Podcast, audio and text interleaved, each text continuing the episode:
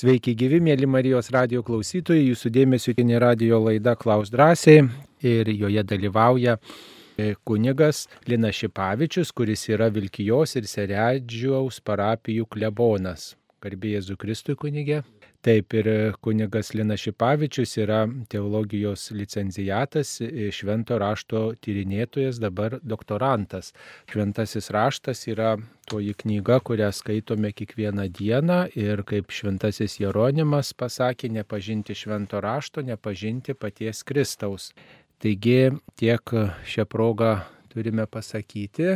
Dabar kviečiame kunigą atsiversti Senąjį testamentą, nors čia klausimas turbūt būtų iš pradžios knygos penktojo skyriaus penktos eilutės apie biblinių žmonių amžių. E štai penkt, e, pradžios knygos e, penktajame skyriuje penktoje eilutėje rašoma, kad Adomas gyveno net 930 metų.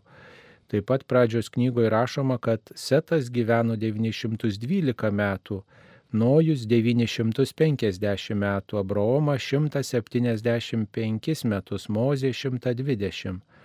O gal jie tiek ir gyveno, jei ne, tai ką tai reiškia? Turbūt jau ne vieną kartą mes apie tai kalbėjome laidoje ir žmonėms ypatingai rūpi šitie ilgamžiškumai. Aš galvoju, gal netgi ir to, kad žmogus pats norėtų tiek gyventi, dėl to jam labai aktualu.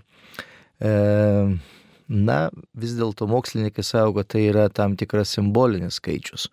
Tai nėra, kad e, tiek žmogus gyveno, nes, nes puikiai žinome, kad dabartiniai tyrinėjimai parodo, kad anksčiau žmonės gyveno kur kas trumpiau nei dabar gyvena žmonės. E, psalmėse tenai ne vieną kartą kalba, kad žmogaus amžius yra 70-80 metų Jėzus laikais žmonės gyveno iki 40 metų ir netgi praktiškai iki 19 šimtmečio žmonės e, daug trumpiau gyveno. Todėl čia yra daugiau simbolika, kuri kalba, kad na, apie tą žmogų prisiminimas buvo tiek ir tiek laiko. Tai sakykime, jau kartos prisimenė ar Abraomą, ar Setą, ar kitus patriarchus, kurie gyveno, na, sakykime, Biblijos įvykių pradžioje ir dėl to apie juos buvo prisimenama, perdodama iš lūpų į lūpas tradiciškai, na, o paskui, aišku, buvo surašyta į šventų rašto puslapius. Kita pusė taip pat yra tas semitinis toksai rašymo koloritas, kad, na, visą laiką truputėlį yra padidinama arba sutirštinama ta informacija, tas turinys, parodant, kad tas asmuo yra neįlinis, tas asmuo kažką tai padarė tokio labai svarbaus ir dėl to jisai, na, turi tas išskirtinės kažkokias tai e, išskirtinius kriterijus, tai ar gyvenimo amžių, ar dar kažką tai. Tai yra būtent per tokią mes prizmę turėtume žiūrėti į turinį, nes ne visada švento rašto turinys yra tas tiesioginis, ką mes galbūt norėtume e, priimti, bet taip yra.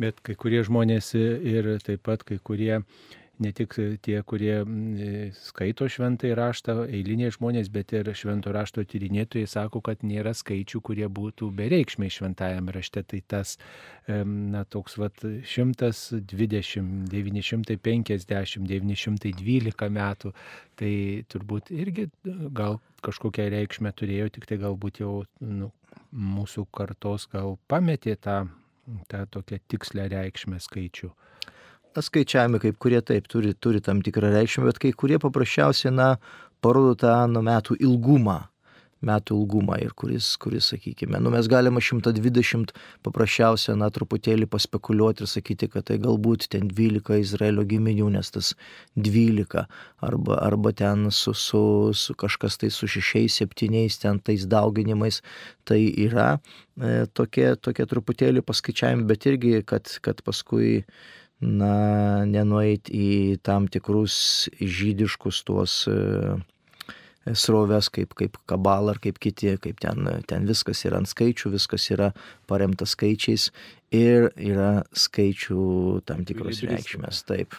Dabar e, mums paskambino, pabandykim išklausyti skambutį. Garbėjai Kristus. Per amžius amen. Klauskite jūs eterį. Norėčiau paklausti šitą iš tėvė mūsų, kaip mano, kaip sakant, specialistai dėl e, e, epiusijon. Šitą žodį, kaip reikėtų versti. Ar kasdienis, ar kaip tik yra užsyje, yra epi ant. Vadinasi, čia yra, kaip sakoma, duona, nu, lyginant su mama, kuri krito. Ta, kuri yra jau mm, tolimesnė gyvybės duona. E, ir su tuo surištas klausimas dar, e, sakykit, prašom, gal jums teko e, susipažinti su Liuterio e, vertimu į vokiečių kalbą, nes jis labai gerai graikų mokėjo. Va tai šitą, tai yra mūsų, kaip jis verčia tenai. Taip, ačiū už klausimą apie tėvę mūsų žodį. Na, visų pirma, ne visi žodžiai dalinasi į priešdėlius ir šaknis ir kai kurie taip, na, bando, bando eiti šitą linkmę, bet kiek man teko skaityti, tai, na, nėra taip, kad mes dalinam epiuzijon, epiuzijos į epi ir uziją. Tai yra naujo testamento, galima sakyti, hapax legomenon, toks yra terminas graikiškas, kuris pavartotas tik tai vieną kartą visame šventame rašte. Ir e, daugiau jisai nėra pavartotas. Turime tik tai būtent kontekste viešpatės maldos, mato Evangelija 6 skyrius 11 eilutė ir Luko 11 skyrius 3 eilutė. Tai yra būtent tos vietos, kur kalbama apie tą arba vartojamas tas žodis būtent epiuzijos. Ką jisai reiškia? Jisai iš tikrųjų, na, neturi aiškios apibrieštos reikšmės. Tai dažniausiai mes verčiame kaip kasdieninis, bet gali būti ir įprastas, ir pastovus, ir dabartinis, ir nūdienis, ir būtinas neišvengiamas. Tai reiškia, kad mintis yra tokia, kad kada mes melžiamės tėvę mūsų maldą ir mes prašome to maisto, nes duona ne tik tai yra tiesioginė prasme duona, bet taip pat yra kasdienis maistas, nes tais laikais, na, žmonės, žmonės valgydavo kasdienę tą duoną, nes tai buvo pagrindinis e, maistas. Tai reiškia, kad mes prašome kad mes nestokotume maisto, kad mes nebadautume.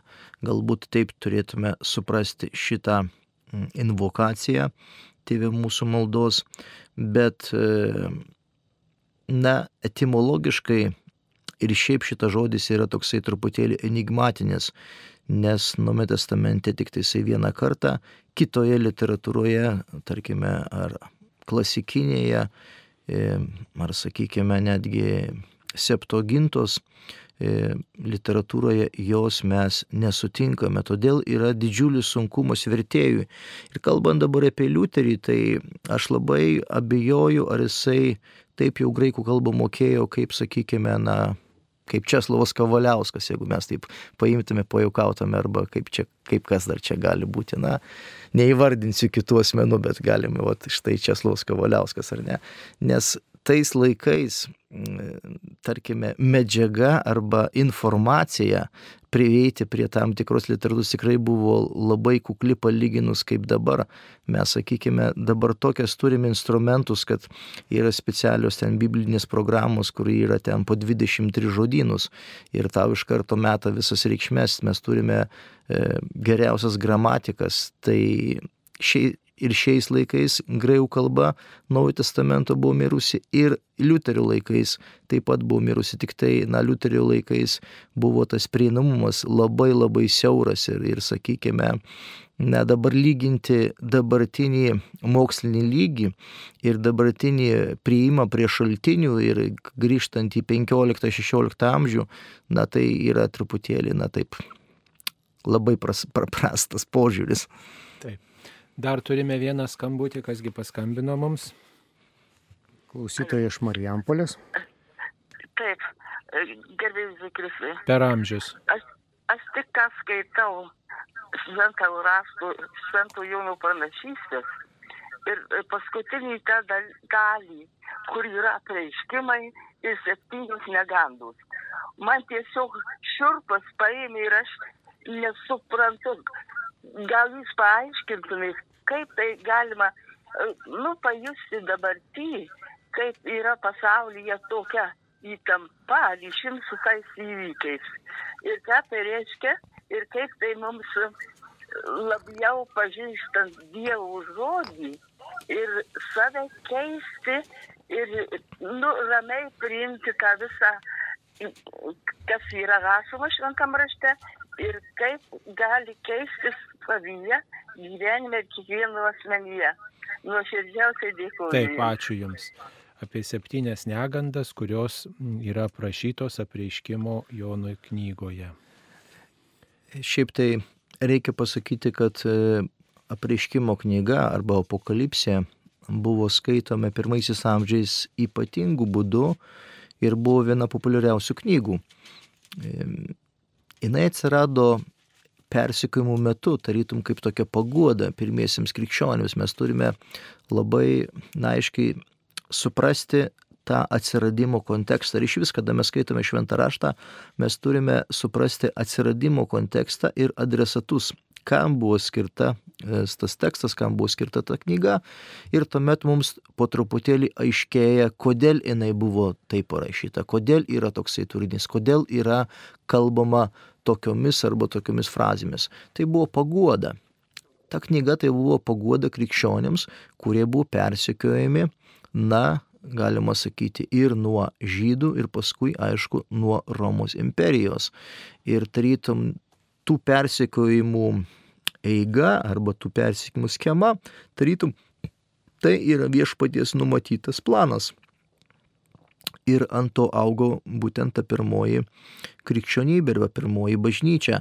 Tai kada skaitai vat, e, su šitokiamis žiniomis, tu supranti, kad ten viskas yra kaip ir normalu, kaip ir teisinga.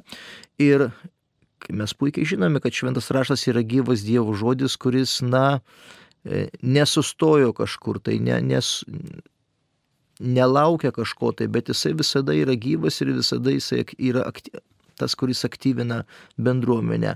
Ir galime ypatingai, kada dabar yra mūsų laikmetyje kataklizmai ir yra būtent konfliktai tarp, tarp Ukrainos, tarp Rusijos ir tarp pasaulio, tai mes taip pat galime puikiai kaip krikščionys atskaityti apokalipsės puslapius ir tikrai atrasti tam tikrų atsakymų, kurie kyla kartais iš mūsų egzistencijos. Nu, toks pavojus yra, kad vat, pasitaikius kažkokiai negandai, visi atsiverčia prieškimo uh, Jonui knygą ir sako, va čia įsipildė Dievo žodžiai. Taip, taip. Ar čia toks teisingas interpretavimas? Pavyzdžiui, dabar va, e, buvo pandemija, dabar vakaras vyksta, sako, visą tai išpranašauto šventajam rašteva. Na čia truputėlį galbūt perdėtumas, nes, nes šventas raštas iš tikrųjų jisai tarytum taip bendrai pasako, kad, na, kad pasaulis tai nėra harmonija, pasaulis tai pasaulis nėra rojus. Žmogus, žmogus iš tikrųjų ieško rojaus pasaulį šitame žemiškame gyvenime. Bet rojus yra būtent, na, kada mes peržengėme mirtį, kada mes e, susitinkame su viešpačiu Dievu. Ten yra rojus ir ten yra harmonija. O žmogus čia bando kurti harmoniją ir tas nesigauna ir dėl to bet koksai, na, nepasisekimas, bet koks, sakykime, konfliktas ar ne, jisai jau jisai iškelia būtent, na, galima, arba mes tapatiname su apreiškimo knyga. Bet mes turime suprasti vieną dalyką, kad prišimų knyga kaip dievų žodis, jisai, jisai maitina mus, tačiau jisai turi savo genezę, jisai turi savo būtent na, atsiradimo istoriją ir atkeliavimo istoriją iki mūsų. Ir buvo iš tikrųjų daug labai diskusijų dėl šitos knygos, ar jinai įeis į švento rašto kanoną, ar jinai neįeis. E, rytų bažnyčia labiau e, pasisakė už ją, vakarų truputėlį buvo tokia šališka, bet e, istoriškai žvelgiant jinai paskui vis dėlto įėjo švento rašto kanoną, tačiau pirmaisiais amžiais tikrai jinai buvo labai skaitoma, labai cituojama ir žmonės tikrai žinojo tą egzegezę, galima sakyti, jeigu, arba aiškinimą to šventos, tos knygos. O paskui jinai kažkaip tai nutolo, nutolo įėjo na, į pirmą planą būtent Evangelijos, paskui aišku ir Paulius laiškai ir jinai kažkaip tai liko tokioje paskutinėje vietoje. O tas asmeninis e, atsiliepimas tai turbūt kaip ir visam šventam rašte vengti, vengti nuodėmės, vengti įdos, keisti savo gyvenimą ir pasirinkti Kristų. Nu, visų pirma, ten e, yra kalbama, kad neatsisakyti savo tikėjimo, nes kada klausia žmonės, kokia yra didžiausia nuodėmė, pagal šventą raštą arba, arba kokią nuodėmę labiausiai šventas raštas peikia arba bara. Tai yra būtent stabmeldystė arba idolatrija.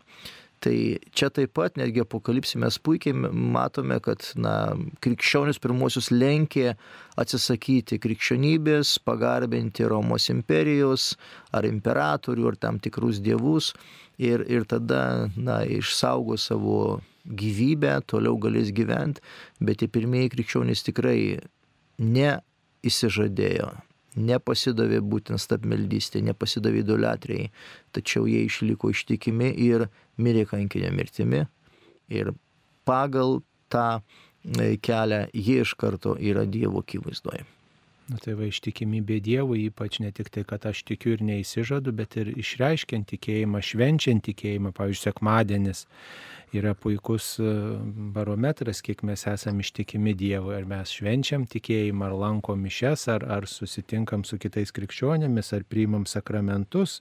Čia vienas iš ištikimybės pavyzdžių yra. Taip, dar viena e, žinutė. E, skaitytojas atsivertęs mato Evangelijos 10 skyrių, 16 eilutę. Štai aš siunčiu jūs kaip avis tarp vilkų, todėl būkite gudrus kaip žalčiai ir neklastingi kaip balandžiai. Taigi e, Paulina klausia, ką reiškia gudrus kaip žalčiai. Mhm, mūsų vertimas Šečeslavo Kavaliausko. Štai siunčiu jūs kaip avis tarp vilkų, tai būkite gudrus kaip žalčiai ir neklastingi kaip balandžiai. E, galima įvairiai žiūrėti į šitą vertimą. Galima žiūrėti įvairiai šitą vertimą. E, galima versti ne tik, ne tik tai, kad e, gudrus, bet išvalgus. Ir turbūt tada, tada yra vis dėlto kitas supratimas, nes gudrus, gudrus turi tokią neįdomią savybę, kad gudrus yra toks truputėlį, na, apsukrų žmogus, ar ne? O išvalgus yra tas, kuris, kuris iš tikrųjų, na, turi tokią pozityvę, pozityvę reikšmę. Nes gudrus tai gali tave apgauti, ar ne? Ne tik tai, ne tik tai sakykime, kad žmogus yra e, gudrus, jisai ten kažkokias tai turi charakterio, bet jisai, jisai tokia turi truputėlį tonaciją ir e, melo arba tokius apgavystės. Ir va kiekviena kalba iš tikrųjų na, turi tam tikrą specifiką, todėl švento rašto vertėjas jisai turi labai pasirinkti žodžius, kurie žmogui na, leistų suprasti tą tikrą, tikrą turinį. Nes kada, kada sakykime, va, štai sako ši, ši, šitą eilutę, štai siunčius kaip avis tarp vilkų, tai būkite gudrus kaip žalčiai. Na, mm, ką tai reiškia tas, tas gudrus kaip žaltys.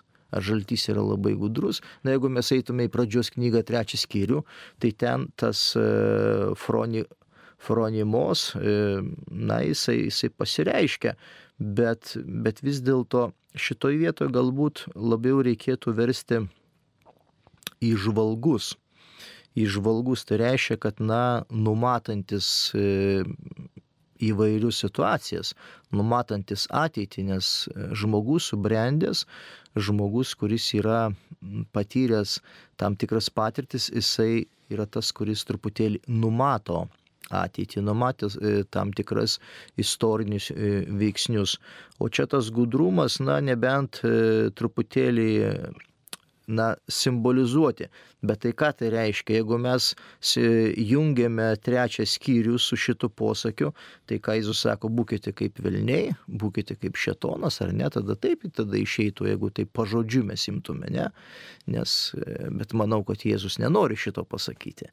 Tai, na, yra, yra iššūkis vis tobulinti vertimus. Bet va pasakė, kad, reiškia, žaltys, jis palygino mus, kaip sakant, imkite pavyzdį žalčio beveik, taip, kaip mm. sakant, jeigu čia aluzija su pradžios knyga, tai čia labai tikrai keista tai perskaityti. Tai va būtent, tai būtent, bet aišku, čia yra daug įskaita, tai mes galėtume čia truputėlį ginti Jėzų, sakyti, čia Jėzus norėjo truputėlį kažką kitaip pasakyti, bet esmė, man atrodo, ne visada irgi tie pasakyti žodžiai turi tą tiesioginę, kaip čia šitoje vietoje pradžios knygos, ne?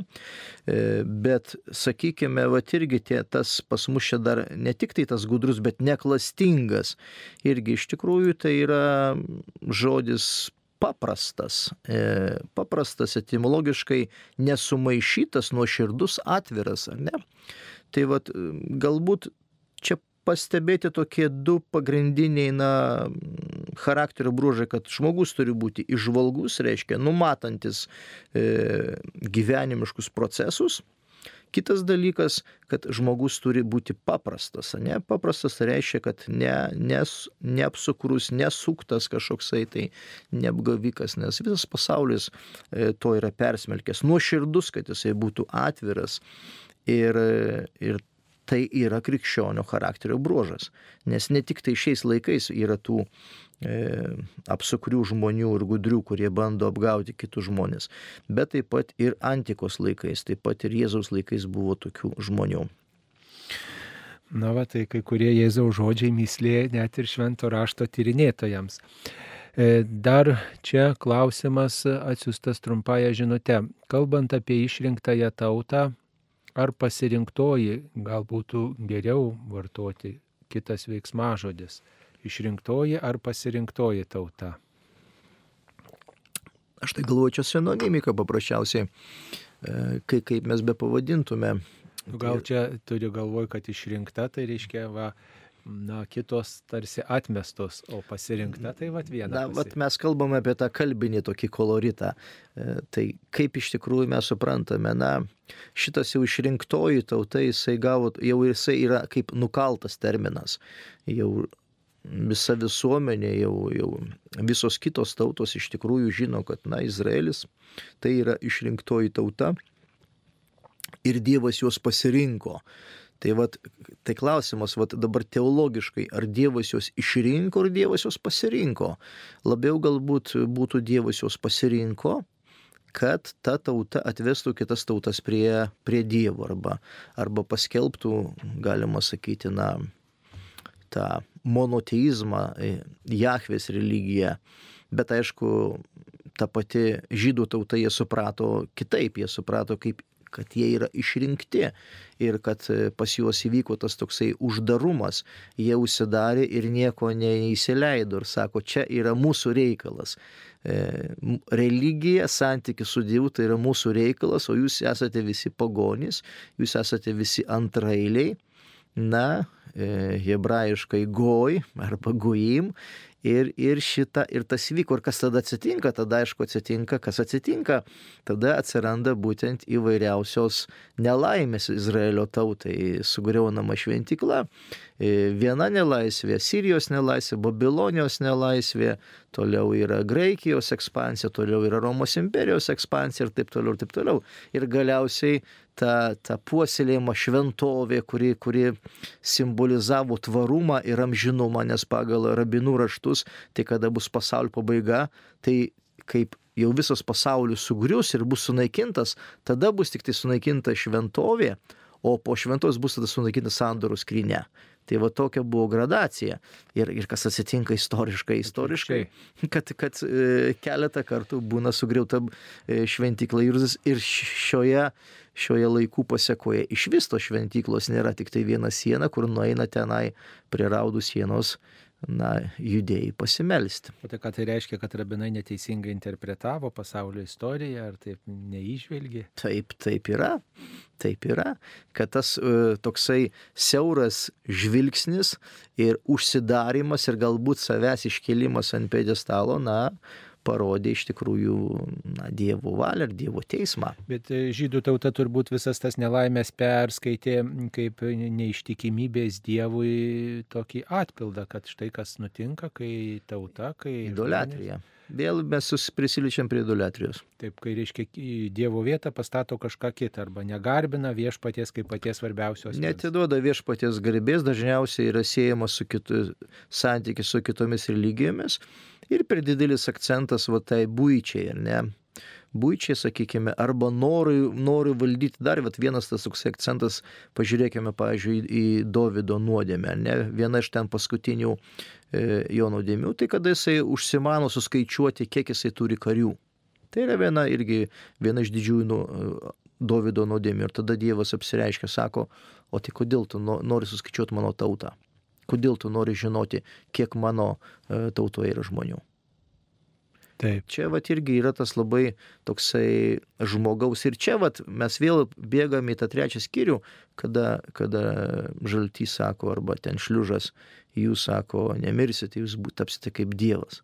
Ir vat žmogus visą, visą tą savo laiką pagal savo tą prigimtį, jisai nori ta, ta, tapti kaip Dievas ar ne, jisai nori valdyti, jisai nori žinoti, jisai turi, nori žinoti skaičius.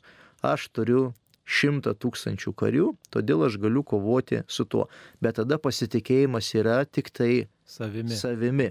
Tai čia puikybės nuodėmė. Na, ne tik puikybė, čia atstumimas Dievo plano. Nes Dieve, tu man esi nereikalingas. Aš turiu šimtą tūkstančių karių, aš tą, kaip sakoma, niekadėję sutvarkysiu. O paskui pasirodo, kad ten atsigeria kažkokio tai vandenėlio šupės, visi, visi numiršta ir tada jau Dievė padėka, ne? Su 10 tūkstančių reikia kovoti prieš 100 tūkstančių. Na tai turbūt ta pati išvada, kad nestatyk savęs ir savo reikalų į Dievo vietą visais laikais. Tiek. Pasitikėjimas viešpačiu Dievu vis dėlto ir, ir vat, tas, tas santykis, kad visose tavo darbuose būtų Dievas. Va tada, va tada yra tas, tas teisingas kelias. O kaip e, pas mus yra taip, kad mes vat, patys viską darome, bet jeigu kažko tai jau net tada Dievė padėk. Dar viena žinutė patarlių knyga turbūt moko verslumo pagrindų. Ar aš klystu, klausia Gedas. Nemanau, kad verslumą moko. Daugiau išminties. Išminties, išminties pagarbaus santykio, išvalgumo moko, ar ne? Taip, Žiūrint, taip. kas tas verslumas, gal tai irgi yra išvalgumas. Svarbiausia tas supratimas, supratimas savo egzistencijos, supratimas, kad na, mes esame čia tik tai keleiviai šitoje žemėje. Nesame viešpačiai, nesame amžini. Ir labai patarlių knygoje yra nuostabus santykis aprašomas tarp šeimos. Tarp šeimos narių, ypatingai tarp vyresniųjų, tarp tėvo, ten dažnai yra E, toksai netgi kalbėjim būdas mano vaikė, ar ne, prasideda ir tada yra tam tikras pamokymas. Tai patarlių knyga viena iš tikrųjų nuostabiausių knygų, kaip iš vis išminties literatūra yra viena nuostabiausių, kad gali skaityti bet koks žmogus, gali skaityti bet kokios konfesijos žmogus.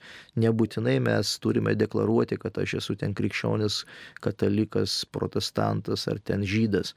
E, čia yra sudėta, na, E, žmonių, žmonijos, kultūros e, tam tikra patirtis tam tikrose situacijose. Bet vis dėlto vėlgi parodoma, kad e, visame kame yra Dievo planas. Ir žmogaus gyvenimas yra Dievo rankose. Tas yra labai svarbu. Bet labai ir akcentuojamas tas šeimos samprata, kad šeima tai yra didžiausia žmogaus vertybė. Ir, ir jaunesni asmenys semėsi išminties iš vyresnių. Tai yra irgi labai svarbu, nes vyresnis žmogus jisai jau nugyveno, jisai turi, sakykime, didelę patirtį, jisai tau gali pas, patarti, padėti. Šiais laikais mes ėmės patirties iš interneto, ar ne kažko tai norime, atsiranda, atsidarome, viens, du turime. Bet tai yra daugiau mažiau ta tokia hipotetinė arba tokia teorinė e, išmintis arba patirtis, bet mes turime šalia savo tėvus, savo senelius, iš kurių mes galėtume pasisemti tos tikros praktinės gyvenimiškos patirties. Bet gal jie su, nes, nesusidūrė su daugeliu reiškinių, nu, tėvai ir seneliai. Tai jie tiesiog neįtrauko pečiais, kaip čia yra, kad vienas ar kitas reiškinys sako, mes to ne, nepatyrėm. Na, Koheletas sako, nieko naujo nėra pasaulyje. Tai žmogaus gyvenimas daugiau mažiau yra panašus, tik tai su tam tikrais atspalviais, tam tikrais kažkokiais niuansais, bet šiaip tai, tai išminties yra knyga ir, ir patarlių knyga, ir Koheleto knyga. Tai vienas yra iš nuostabiausių knygų, kurios, kurios yra jau tokios galėtume sakyti netgi literatūriškai arba gramatiškai jos yra na, parašytos nuostabiausiai, ypatingai išminties knyga, ten sakykime, turbūt tų hapaks legomenon, ar ne, tai tų tokių specialių, specifinių žodžių tai yra virš tūkstančio. Tai kur kitose knygose nėra, tai matoma, kad autorius, kuris rašė tą knygą, tai tikrai jisai buvo labai atsidėjęs ir labai norėjo parodyti, kad šita knyga tikrai yra Dievo kvepta. Ir ta kiekviena mintis, kiekvienas žodis tai yra būtent labai apmastytas. Dar mūsų klausytojai domisi Jobo knyga, kaip galėjo gerasis, teisingasis, išmintingasis Dievas nusileisti iki diskusijos su šietonu ir neteiti su juo į sandėrį, sutardamas leisti Jobui išbandymus. Na, va čia toksai žmogiškas mūsų mąstymas galbūt dėl to, kad mes užaugome ant pasakų. Kiekvienas vaikas e, na, skaitė, klausė, matė, žiūrėjo pasakas ir mes norime, kad, na, nu, jeigu žmogus yra geras, tai jam nieko nenutiks. Ir mes taip gyvename ir dabar. Mes norime būti geri, mes norime, na, nedaryti kažkokių tai blogų darbų ir mes tikimės, kad mums nieko nenutiks. Mes nesirksime, mes nenumirsime, mums nebus ten, neskaudės mums dantų ar dar kažko tai, bet taip nėra. Ir čia yra tam tikras literatūrinis žanras ir norima pasakyti, kad, na, visų pirma, Dievas siunčia ir teisėjim išbandymų gyvenimiškų, kad tas žmogus iš tikrųjų dar labiau sutvirtėtų. Ir Jobo knyga viena irgi iš tokių nuostabiausių knygų, kadangi jos formavimas arba rašymo laikotarpis, tai mokslininkai skaičiuoja, kad netgi buvo iki tūkstančio metų. Tai vienos eilutės buvo parašytos prieš tūkstantį metų, kitos eilutės po tūkstančio metų. Tai labai yra na, tolimas tas tolima laiko skalė. Tai viena seniausių švento rašto knygų turbūt na, ne, negalėtum pasakyti, kad, kad pati seniausia, bet taip, viena seniausių knygų. Ir ten yra na, ta nuostabi diskusija, kad štai e, Jobui Dievas užleidžia vieną išbandymą kitą, na ir yra tas oponentas e, Šatan, kuris, kurį mes galėtume versti kaip šetonas, ar ne, sako, palauk, palauk, sako, tik tai va jisai patirs vieną kitą išbandymą ir pradės keikti Dievą. Bet Jobas kaip tik, Jobas visą laiką jisai yra, na, ištikimas viešpačiu Dievui, nors jisai su Dievu, na, tarytum diskutuoja, netgi barasi, ginčinasi su Dievu.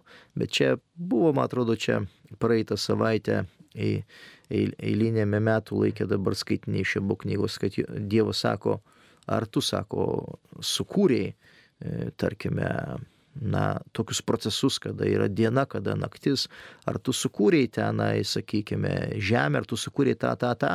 Dievas išvardina Jobui savo kūrinius ir tada Jobas sako, aš esu niekingas žmogus.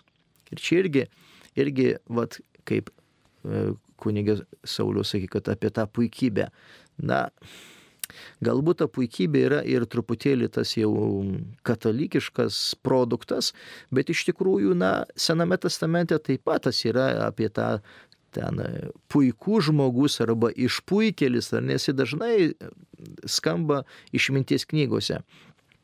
Ir čia tarytum tokia truputėlį kova prieš tą žmogų išpuikus, nes ten pačioje pradžioje, kaip prašo, Jobas visko turėjo. Tarnų turėjo, gyvulių turėjo, vaikų turėjo, žemės turėjo, visko jisai turėjo, jisai gyveno, na, tokį palaimingą gyvenimą žemėje. Na ir ateina jam išbandymas, jis visko netenka, bet paskui pabaigoje Dievas vėl jį apdovanoja dar daugiau Gausiau. visko ir, ir aišku, ilgų amžiumi. Tai šiaip verta skaityti Jobo taip pat knygą. 50 skyrių, tai yra gan ilga knyga, bet aišku, per vieną vakarą jos nereikia perskaityti, galima per du vakarus ar per tris, kaip, kaip upas už, užeis.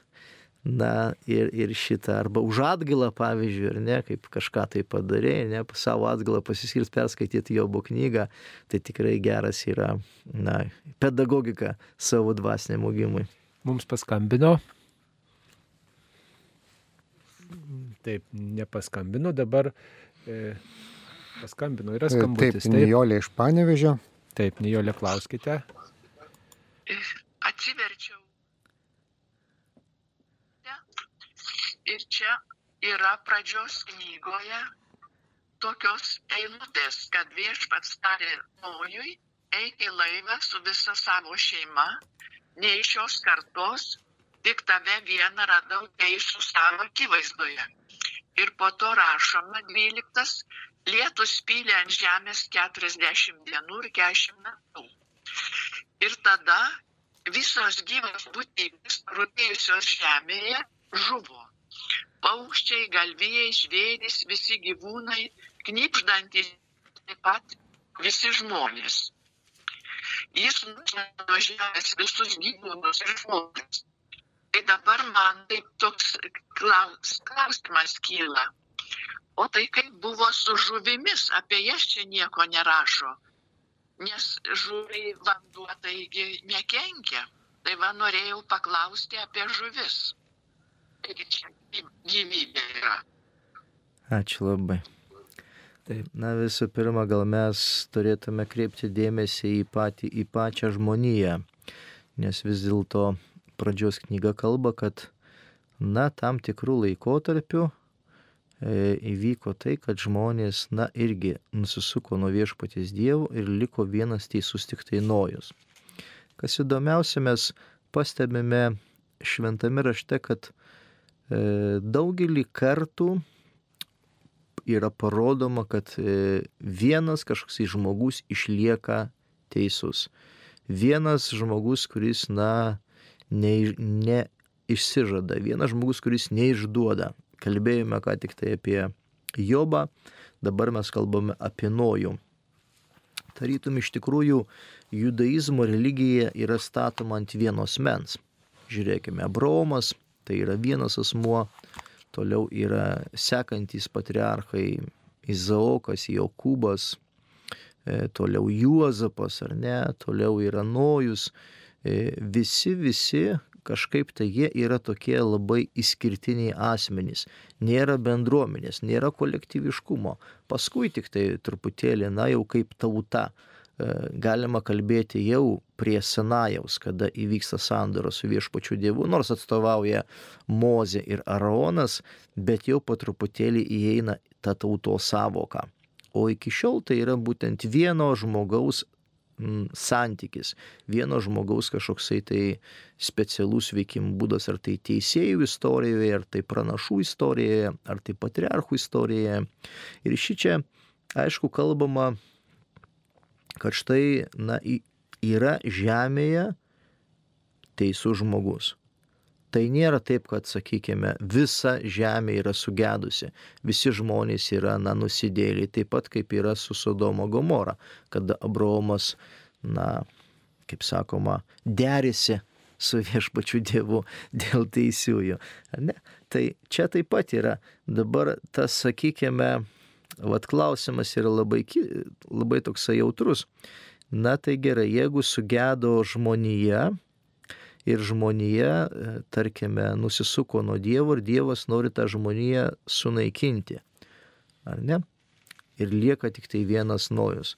Bet tai tas sugėdimas tarytum pereina ne tik tai e, ant žmonijos, bet tas sugėdimas pereina ir ant e, Kūrinijos. kit, kitos, kitos kūrinijos.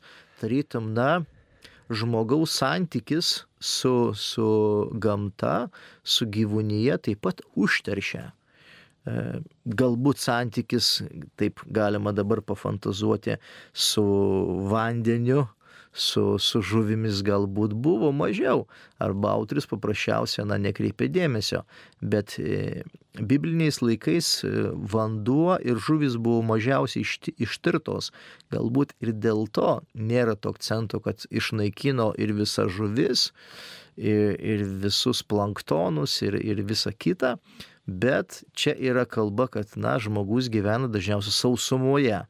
Sausumoje yra santykis su gamta, su gyvūnyje ir dėl to norima taip pat parodyti, kad žmogaus blogas darbas, žmogaus nuodėmė, jinai ne tik tai paliečia žmogų, bet paliečia visą aplinką. Ir mes va šitą turėtume įsisamonti, nes dažnai žmogus galvoja, aha, nu tai aš padariau nuodėmę, tai yra mano reikalas, ar ne? Ir viskas. Čia kito neliečia, ne kito žmogaus neliečia, ne aplinkos neliečia, nieko neliečia, tik tai mane liečia. Bet vat šitas tekstas mums parodo, kad liečia ir kitą žmogų liečia, liečia netgi ir supančią aplink tave aplinką.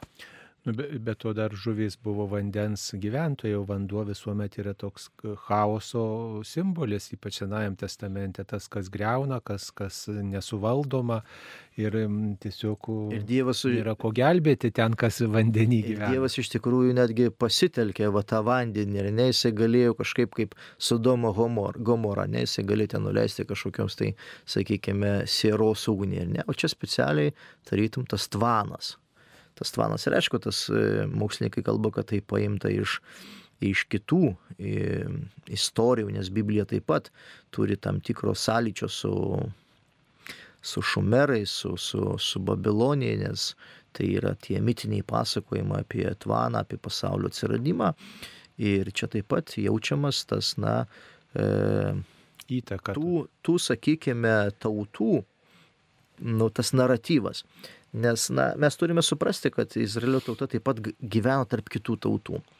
Ir, ir girdėjo taip pat kitų tautų mitus, e, kitų tautų pasakojimus ir, ir tarkime, galbūt truputėlį ir naudojosi e, tam tikromis idėjomis pasakoti savo tautoje tam tikrą istoriją, nes kiekviena tauta e, turi savo na, pasakojimo naratyvą, turi savo e, atsakymus į tam tikrus klausimus, kas yra pasaulio kuriejas, kas yra žmogaus kuriejas, koks yra žmogaus gyvenimo tikslas. Tie egzistenciniai e, naratyvai, jie yra kiekvienoje tautoje, taip pat ir lietuvių tautoje, taip pat ir, sakykime, Izraelio tautoje, taip pat ir Babilonijos tautoje. Tai tas yra neišvengiama bet ypatingai čia 11, 11 skyrių pradžios knygos, ta prieš istorija, jinai tikrai atsako į tam tikrus egzistencinius klausimus, kurie rūpėjo, na, Izraelio tautai. Nu, turbūt dar teisinga e, į nojų žvelgti kaip į Kristaus provaizdį, tokį per vieną išsigelbsti daugybę. Ir, ir e, nors nojus e, nėra tokia istorinė asmenybė, kaip mes suprantam, bet aiškiai nuoroda visų tų asmenų, kur, per kurių istoriją įsigelbsti daugelis, tai nuoroda į Kristų, kad pats Kristus jau istorinė asmenybė išgelbėja visą žmoniją. Ir svarbiausia, kad su Nojumi yra sudarom pirmoji sandora, tai irgi reikia šitą pakcentuoti, nes paskui jau eina Abromas ir visi kiti, bet su Nojumi įvyksta pirmoji sandora. Nojus yra, sakykime, tas, na, žmonijos atstovas su viešpačiu Dievu, nes, nes Adomas, Adomas yra sukurtas viešpatis Dievo, jisai patalpinamas e, Edeno sodė ir jisai turi tam tikrus tikslus. Jaunojus yra, e, tarkime, toksai neutralus, auto, autonominis, galima sakyti, ir jisai va būtent jau, jau, jau, jau, na, save apreiškia Dievo akivaizdoje.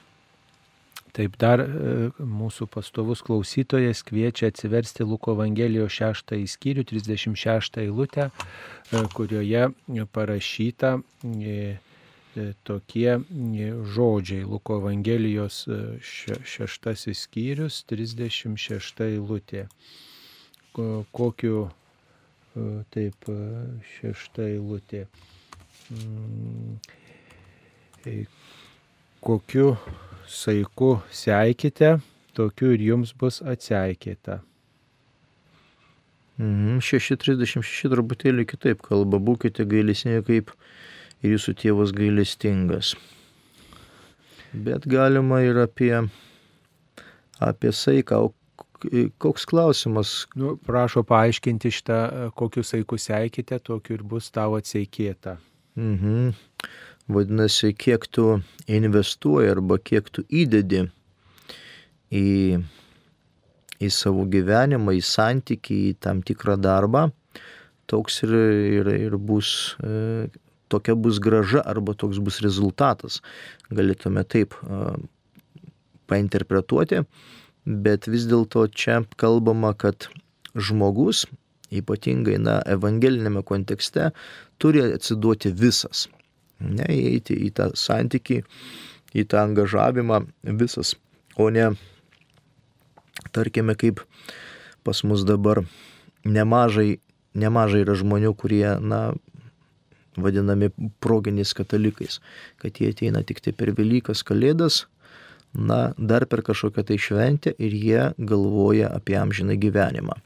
Tai va čia yra didžiulis e, klausimas. Tai Evangelija mums labai aiškiai ištiesina mūsų tas mintis ir nori pasakyti, kad na, mes turime, jeigu nori turėti amžiną gyvenimą ir jeigu nori save laikyti krikščionių, mes turime na, visapusiškai arba šimta procentų procentai angažuotis į, į, į, į na, santykių su Dievu. Taip, dar uh, viena uh, žinutė apie rabino tezę. Mesijas dar netėjo, jei būtų atėjęs, nekentėtų nekaltieji, kol verkia nors vienas vaikas, mesijas dar netėjo. Tai čia turbūt žydų interpretacija tokia. Na, bet čia tokia labai sparnuota frazė, kur mes nežinome, e, kuris čia rabinas pasakė, kur, kur čia yra parašyta, nes galbūt ten ant, ant atvirutės parašyta arba, sakykime, dar ten kažkur tai ant kalendoriuko. Tai Visą laiką visuomenė kovoja su kančia, ne? Ir, ir, ir visuomenė, ir pasaulis nori e, kančios savoką ir kančios, sakykime, faktą išstumti iš šito pasaulio. Ir, ir mes kaip kalbėjome laidos pradžioje, kad e, žmogus nori pasaulį rojaus, harmonijos, kad nieko nebūtų skausmingo, kad visi palaimingai gyventų, kad niekas nestokotų ir taip toliau ir taip toliau. Bet taip nėra. Ir e, Jėzus mums nežadėjo, kad me, mums nebus šalta, kad mes e, nekentėsime, kad mes e, nebūsime išalkę ir taip toliau ir taip toliau. Jis to nežadėjo. Jis žadėjo tik tai mūsų amžiną gyvenimą. Jeigu tu išliksi ištikimas šitame gyvenime.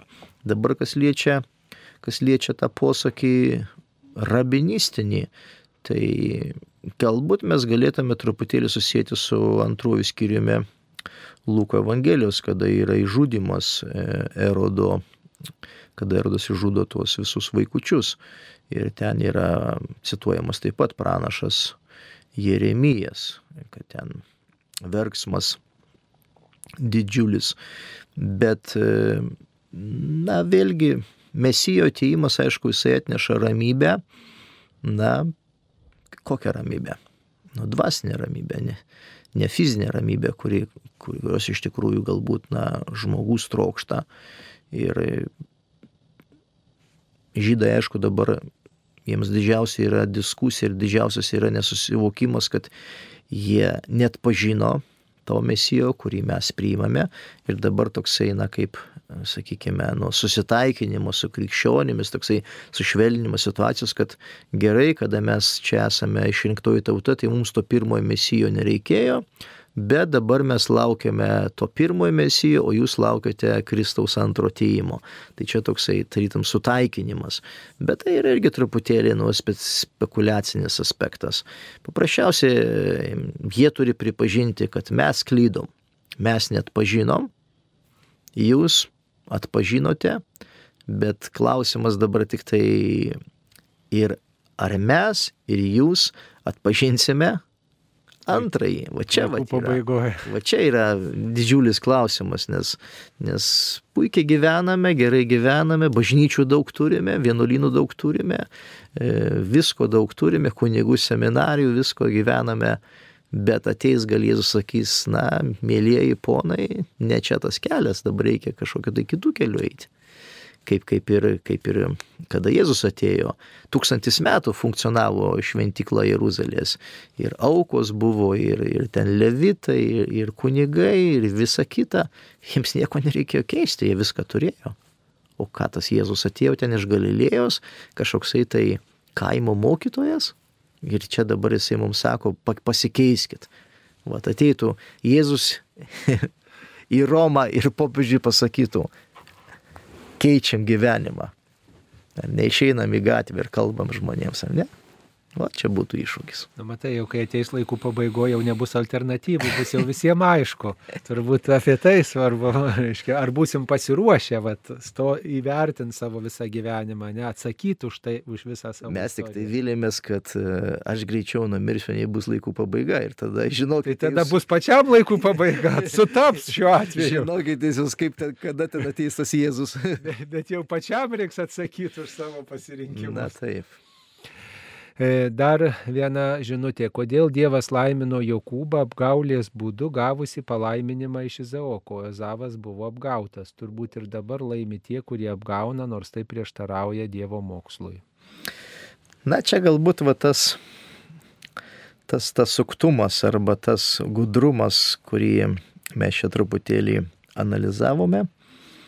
Bet e, galbūt biblinis autoris irgi nori parodyti, kad, na, ta išganimo istorija nebuvo tokia tiesi linija. Ir išganimo istorija nebuvo ta, kad viskas buvo taip aišku, tas, tas, tas teisinga, nes ten tokie jaučiami tie rytietiški tokie koloritai, e, tie tokie apiejimai, tarytum, tas pats, tas pats kaip ir su karalium Saliamonu, jeigu mes skaitytume, tai, na, karaliumi Saliamoną, na, kažkaip tai, na, galima sakyti, pasistengė, kad jisai taptų tai jo mama. Tai nebuvo, kad jisai, vat, sąžiningas, teisingas žmogus, vat, jisai tinka geriausia arba ten jo linija geriausia ir jisai tapo karaliumi. Tai nebuvo, tai buvo truputėlį ir kitų įtaka. Nes jeigu ne, netaptų, nebūtų tapęs karalius Saliamonas, tai jo mamai turbūt būtų išmetimas iš, iš rūmų, gal netgi ir mirtis. Tai čia irgi, na, tas žmogiškas faktorius visada e, Biblijoje irgi yra jaučiamas taip nėra, kad ten viskas išglūdinta, ten viskas, na, steriliai, viskas padaryta, kad ten, kad ten nėra jokių abejonių, jokių neteisybių, ten viskas.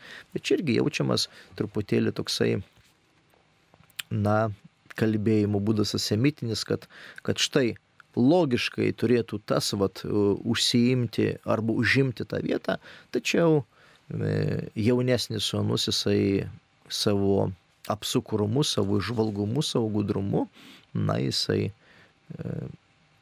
gauna tą e, pirmagimystę. O tais laikais buvo labai svarbu, kas yra pirmgimis arba ką tėvas palaimina, tas, e, ta, tas paveldi visą turtą, visą, visą, sakykime, ką tėvas turėjo.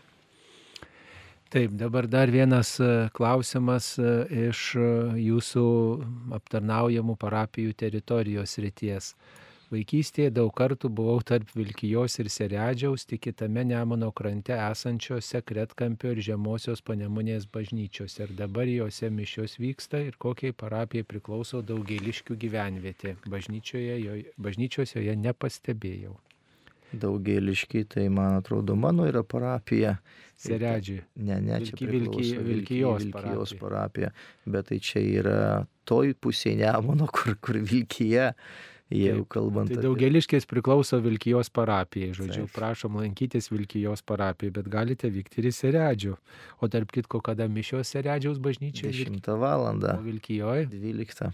12. Tai maloniai kviečiame sekmadieniais dalyvauti. O Kretkampis ir Žemoji panemunė priklauso Vilkaviškio viskupijai ir ją, ją, šias bažnyčias aptarnauja Lekėčių parapijos klebonas. Taigi galite pasiteirauti Lekėčių parapijoje pas dirbantį kunigą dėl pamaldų tvarkos. Tikrai mm, mes nežinome apie pamaldų tvarką, bet sekmadieniais ten mišios turėtų būti aukojamos. Taip, tai dabar padarysime pertrauką.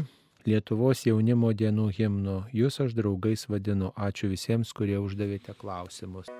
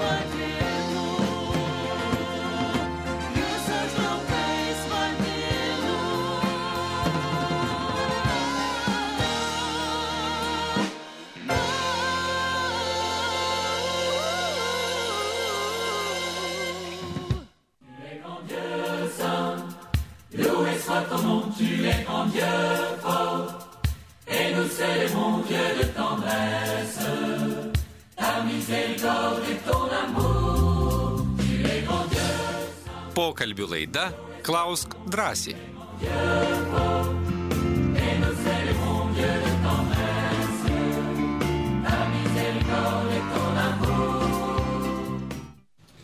Taip, mėly Marijos radio klausytojai, tęsėme laidą Klaus drąsiai. Ši laida tiesioginė, joje dalyvauja kunigas teologijos mokslo licencijatas Vilkijos ir Seredžiaus parapijų klebonas kunigas Linas Šipavičius, taip pat aš kunigas Saulis Bužauskas.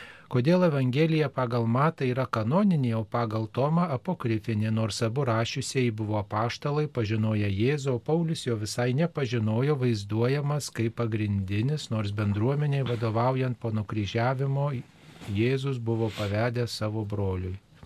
Čia toksai yra antikinis rašymo būdas, kad dažniausiai veiklas buvo priskiriamas autoritetingam asmeniui. Ir, tarkime, Evangelija pagal matą, na, mokslininkai tyrinėtojai savo, kad galbūt penki skyriai yra paties autoriaus, bet šiaip paskui yra vėlesnės jų bažnyčios e, produktas arba, sakykime, na, jau, jau su- su- sudarytas, redaguotas tekstas. Bet ne tik tai Evangelijos, bet ir šiaip yra antikiniai kūriniai, antikiniai raštai, veikalai, kurie, na, remiasi tam tikrų autoritetingų autorium ir norima pabrėžti, kad, na, šitas kūrinys yra, nu, tikrai labai svarbus. Tai čia Evangelija pagal Tomą, Evangelija Judo, kitos Evangelijos, jos tarytum, na, remiasi apaštalų autoritetu.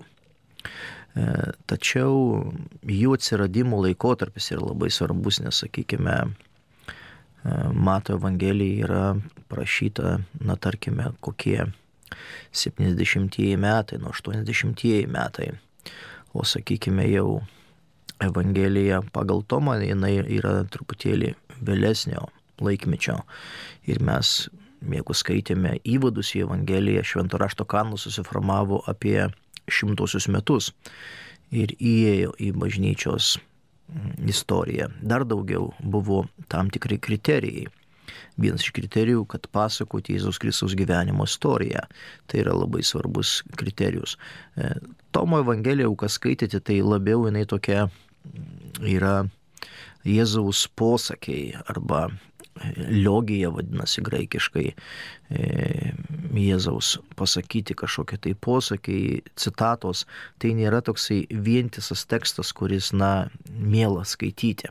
Tai yra dažniausiai ten Jėzus pasakė, Jėzus pasakė, Jėzus tarė ir taip toliau, ir tokie, na, išminties kažkokie galima sakyti, na, sakiniai. O štai jau Mato Evangeliją, ar ten Morkaus, ar Luko, ar Jono, Tai yra išdirbtas ištisinis pasakojimas apie Jėzus Kristaus gyvenimo istoriją. Be to, kai, kai, kai, kurio, kai kurie pasakyti Jėzaus posakiai, na, sutinkami ir e, kitose evangelijose, taigi kaip ir, kaip ir Tomo evangelijoje, bet jinai yra apokryfinė evangelija, tai reiškia, kad na, nėra klaidinga, nėra kažkokia tai, sakykime, antrarūšė, bet paprasčiausiai na, jinai neėjo į tą pirmą kategoriją evangelijos, bet vis, jinai vis tiek yra apokryfiniuose raštuose.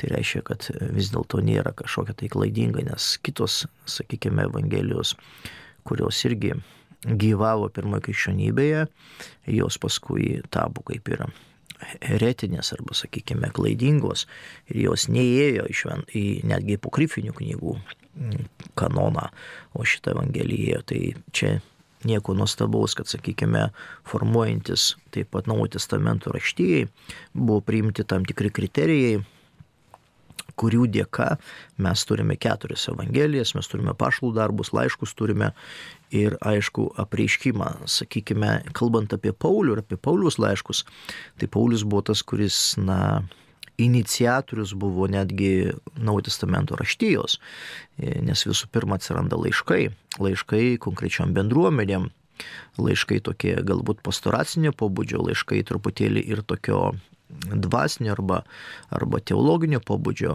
ir vėliau tik tai bendruomenė supranta, kad verta juos skaityti, verta jais dalintis ir, ir jie yra tas naujo testamento pagrindas. Ir tik tai paskui, kada jau numiršta paštlai, kada jau mokiniai taip pat jau neprisimena iki galo e, tų istorinių tokių įvykių, tuomet yra surašomos Evangelijos.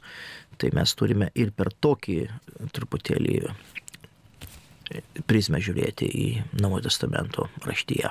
Tiesiog ir laikotarpis svarbu, ne tik tai autorius, Taip. bet ir, ko, reiškia, kada tas raštas parašytas įtraukiant į kanoną.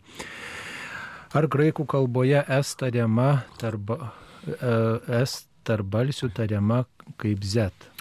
Ne, graikų kalboje S tariama visuomet ka- kaip S. Čia truputėlį yra lotynų kalbos įtaka ir tai turbūt ne visose regionuose, nes mes kartais girdime, e, kada yra gėdame e, per šventas mišes Osana ir kai kurie, ku- kai kurie e, choristai gėda osa, os, osa, Ozaną. Tai irgi tai yra ne lotyniškas žodis, tai yra hebrajiškas arba aramėjiškas labiau žodis.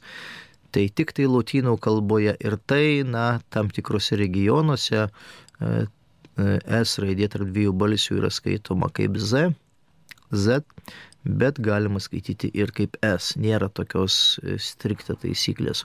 O graikų kalboje tikrai nėra asimiliacijos iš S į Z nes graikų kalboje net nėra tokios raidės Z, yra dzeta, kaip dzigon, ar ne, arba, arba dzidzanija, bet nėra tokios raidės Z, todėl graikai ir netarė. Taip, ar žodėje persona per yra priešdėlis? E, ne, čia, čia yra, čia yra tikrai ne priešdėlis. Čia šaknies dalis, sakyčiau. Čia šaknies yra dalis persona. Taip, dar viena žinutė yra žmogus sukurtas pagal Dievo paveikslą ir panašumą. Taip, šitą žinutę perskaitysim vėliau, dabar mums paskambino. Ir kasgi mums paskambino? Klausytojai iš Klaipėdos. Taip, klausytoje klauskite, jūs per amžius. Gal galite išjungti radio jungtuvą? Taip, užduokite klausimą. Klausimas mokamos rekolekcijos. Ar tai yra prie bažnyčios, ar tai yra kažkoks privatus verslas? Taip, mokamos rekolekcijos. Matot, e, rekolekcijos yra e, dvasinės pratybos, kuriuose yra organizuojama ir nakvynė, ir maitinimas. Ir visa tai kažkas tas išlaidas turi padengti. Tai dažniausiai yra įprasta, kad e, tas, kas dalyvauja tose rekolekcijose, jisai prisima ir tų išlaidų dalį ir tada už maitinimą, už, už nakvynę, už patalynę, galbūt ir rekolekcijų tam vedėjų kažkokia auka yra pa, paliekama, tai, tai tada prisideda žmogus finansiškai pri- prie na, va, tos rekolekcijų veiklos ir prisima išlaidų dalį arba visas išlaidas pasidalina tie, kurie dalyvauja e, tose rekolekcijose ir tikrai nereikia norėti, kad kažkas už mus tikrai užmokėtų, kažkas prisijimtų tas išlaidas nu va, ir, ir, ir kažkas mus maitintų, kažkas suteiktų nakvynę, tai tikrai manau, kad žmonės yra pajėgus, jeigu nepajėgus, tai apie tai informuoja rekolekcijų vadovus, organizatorius ir manau, kad jie ieško būdų, kaip padengti tas išlaidas. Jeigu ten yra didžiulės kainos, jūs stebinančios kainos, na tai tikriausiai yra kažkokios didelės išlaidos. Tikrai, jeigu jums kyla kažkoks įtarimas, visada galite nevažiuoti arba informuoti tuos žmonės, kurie yra atsakingi. Tai taip trumpai atsakytume. Gal dar reikia pasakyti, kad rekolekcijos yra dviejų būdų. Yra, kada vyks, vyksta parapijoje, atvažiuoja kunigas advento metu arba gavėnios metu, tai aišku, už tą visą tarnystę moka klebonas. E, O kada žmogus pats susirašo rekolekcijas, kažkur tai vyksta kitoje vietoje, tai kaip kunigas Saulis jau minėjo, reikia reikia atlyginti ir už gyvenamą e, vietą, ir už maistą, ir taip pat rekolekcijų vedėjų dėl to yra paskaičiuoti tam tikri kaštai. Taip, Genovaitė klausia, mylė sūnus, esu tikinti, reikia nešioti gedulo rūbus ir kiek laiko. Gedulo rūbų nešiojimo bažnyčia nesprendžia, tai yra tokia liaudės pamaldumo tradicija, tokia e, e, tradicija, kuri kalba apie tam tikrą tokią skezę, susivaldymą, apie tam tikrą tokį liūdėsi, kurį kiti žmonės atpažįsta iš gedulo rūbus nešiojančiojo asmens. Tai dažniausiai kokią pusę metų žmogus va taip e, kažkokį ženklą nešioja, t- tamsiau apsirengia ir panašiai, tačiau tai nėra bažnyčios reglamentuojama. Tai yra liaudės pamaldumo tradicija, kuri jau dabar yra beišnykstanti. Tikrai svarbu, kad jūs melstumėtės už savo sūnų ir užsakytumėte šventasias mišes, parašytumėte ir kitų žmonių maldos už, už sūnų ir, ir pati į Dievą remtumėtės, kad taip ieškodama paguodos ir stiprindama savo tikėjimą. Taip, žinutė apie mm, Dievo kūrinį žmogų. Žmogus sukurtas pagal Dievo paveikslą ir panašumą. Vėliau Senajame testamente nekarta rašoma, kad žmogus yra menkas. Kaip suprasti šitą prieštarą? Turbūt taip ir suprasti, kad sukur, nors sukurtas pagal Dievo paveikslą ir panašumą, tačiau turi laisvą valią ir renkasi vis dėlto tą panašumą išniekinti, subjauroti. Ne, ne tik tai, nuodėmę. e, kad, diev, kad žmogus sukurtas pagal paveikslą panašumą, tai jisai niekur neišnyko. Bet e, visą laiką, kada yra e, pasakom, kad žmogus yra menkas, tai jisai pabrėžia, kad jisai yra Dievo kūrinys. Ir mes, kai kalbėjome laidos pradžioje, kad žmogus trokšta, na, arba yra apgautas šetono, kad jūs nemirsite, bet tapsite kaip Dievas. Žmogus visą laiką nori tapti kaip Dievas arba užimti Dievo vietą, tačiau, na, Biblija pasako, kad tu esi Dievo kūrinys. Tu, tu negali užimti Dievo vietos. Ir čia tas yra menkumas, arba galima sakyti, na, žmogus yra marus. Jisai yra nemirtingas, jisai miršta. Ateina laikas ir žmogus numiršta. Tai va čia yra tas menkumas žmogaus arba, arba ribotumas galimybės, ribotumas proto, ribotumas dar kažko, tai yra ne fizinios, fizinis ribotumas, intelektualinis ribotumas. Tai va yra parodo, kad, kad žmogus yra būtent tik tik kūrinys, nors jisai sukurtas pagal Dievo paveikslą ir panašumą. Kaip galėjo būti žinomi ir užrašyti žodžiai, kuriuos sakė Jėzus, pavyzdžiui, Alyvų kalne ir kitur, nes jis buvo ten vienui vienas. Na, paštalai buvo su jo maldoje. E, jeigu Jėzus, bet Jėzus dažniausiai meldėsi, meldėsi garsiai, tai paštalai turi girdėti. Bet, na, tokį, tokį, toks, tokia bejonė, tai truputėlį, na, tai yra mums perduota tradicija, kad Jėzus meldėsi. Ir tos maldos, e, jos, na, gan buvo tokios visuotinos, kad tokiame, tokiame liturginėme laikotarpyje buvo, vat, kaip ten mes paskutinė vakarienė, ne, tai arba, sakykime, Velykų šventimas. Tai buvo skaitomas ten didysis halelė, mažasis halelė, ar ne 113, 115 psalmė, 118 psalmė. Tai jau buvo tradicinės, nes kultas e, liturginis jau gyvavo tūkstantį metų. Ir žmonės kalbėjo tas maldas, kurias kalbėjo jau įpras, na, pa- paprastai, įprastai. Kaip mes dabar, va, jeigu ateiname į mišes, kokią žmogus kalba maldą, ar mes galim pasakyti, aišku, kad galime. Tėvė mūsų kalba maldą, ne prieš komuniją. Tai čia taip pat, kad, kad ir mokiniai galbūt buvo nutolę, bet jie, jie žinojo, kokias Jėzus kalba maldas arba, arba kaip kreipiasi į tėvą. Taip, dabar Luko Evangelijos em, 17 skyrius nuo 20 iki 21 eilutės. Prašo paaiškinti, kas čia kalbama. Fariziejų paklaustas, kada ateis Dievo karalystė, Jėzus paaiškino, Dievo karalystė ateina nepastebimai ir niekas nepasakys štai ji čia arba ten, nes Dievo karalystė jau yra tarp jūsų. Taip, šitą iš tikrųjų apie Dievų karalystę labai nuostabiai rašo Benediktas XVI. E, Jozapas Ratzingeris knygų Jėzus iš Nazareto yra trys tomai, lietuvių kalba visiems rekomenduoju įsigyti, tai yra nebrangi knyga, bet sudėta geriausia egzegezė, ką mes turime, aišku, vokiečių tradicija, nes popiežius yra vokietis, ten yra nuostabiai aprašyta apie tą Dievų karalystę. Ir popiežius remdamasis geriausiais komentatoriais, jis aiškina, kad Dievo karalystė tai yra santykis. Santykis ir prieimimas Dievo. Nes žmogus įsivaizduoja, kad Dievo karalystė tai kažkokia tai vieta, kaž, kažkoksai tai laikas, bet e, jeigu mes atverstume Morkaus Evangeliją pačią pradžią, ten beros trečiame skyriuje, tai kada jis pradeda savo viešo veiklą, jis sako, atsiverskite, įtikėkite, nes prisertino Dievo karalystė. Va. Su Jėzaus ateimu arba Jėzus yra Dievo karalystės įsteigėjas, įtvirtintojas. Ir ta Dievo karalystė, va jau yra 2000 metų. Ir dabar, jeigu paklaustume, kur yra ta Dievo karalystė, tai ne kur, bet tai yra mano santykis su Jėzumi.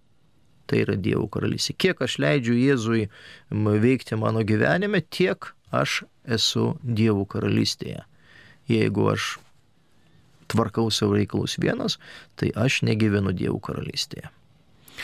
Taip, dar vienas klausimas apie Siracido knygos 30 skyrių pirmąją eilutę. Siracido knygos 30 skyriaus pirmoji eilutė mm, taip skamba. Kas myli savo vaiką, plaks jį dažnai, kad galėtų juo džiaugtis, kai užauks. Klausimas, kaip suprasti šią eilutę? Ar Dievas už vaikų fizinį smurtą?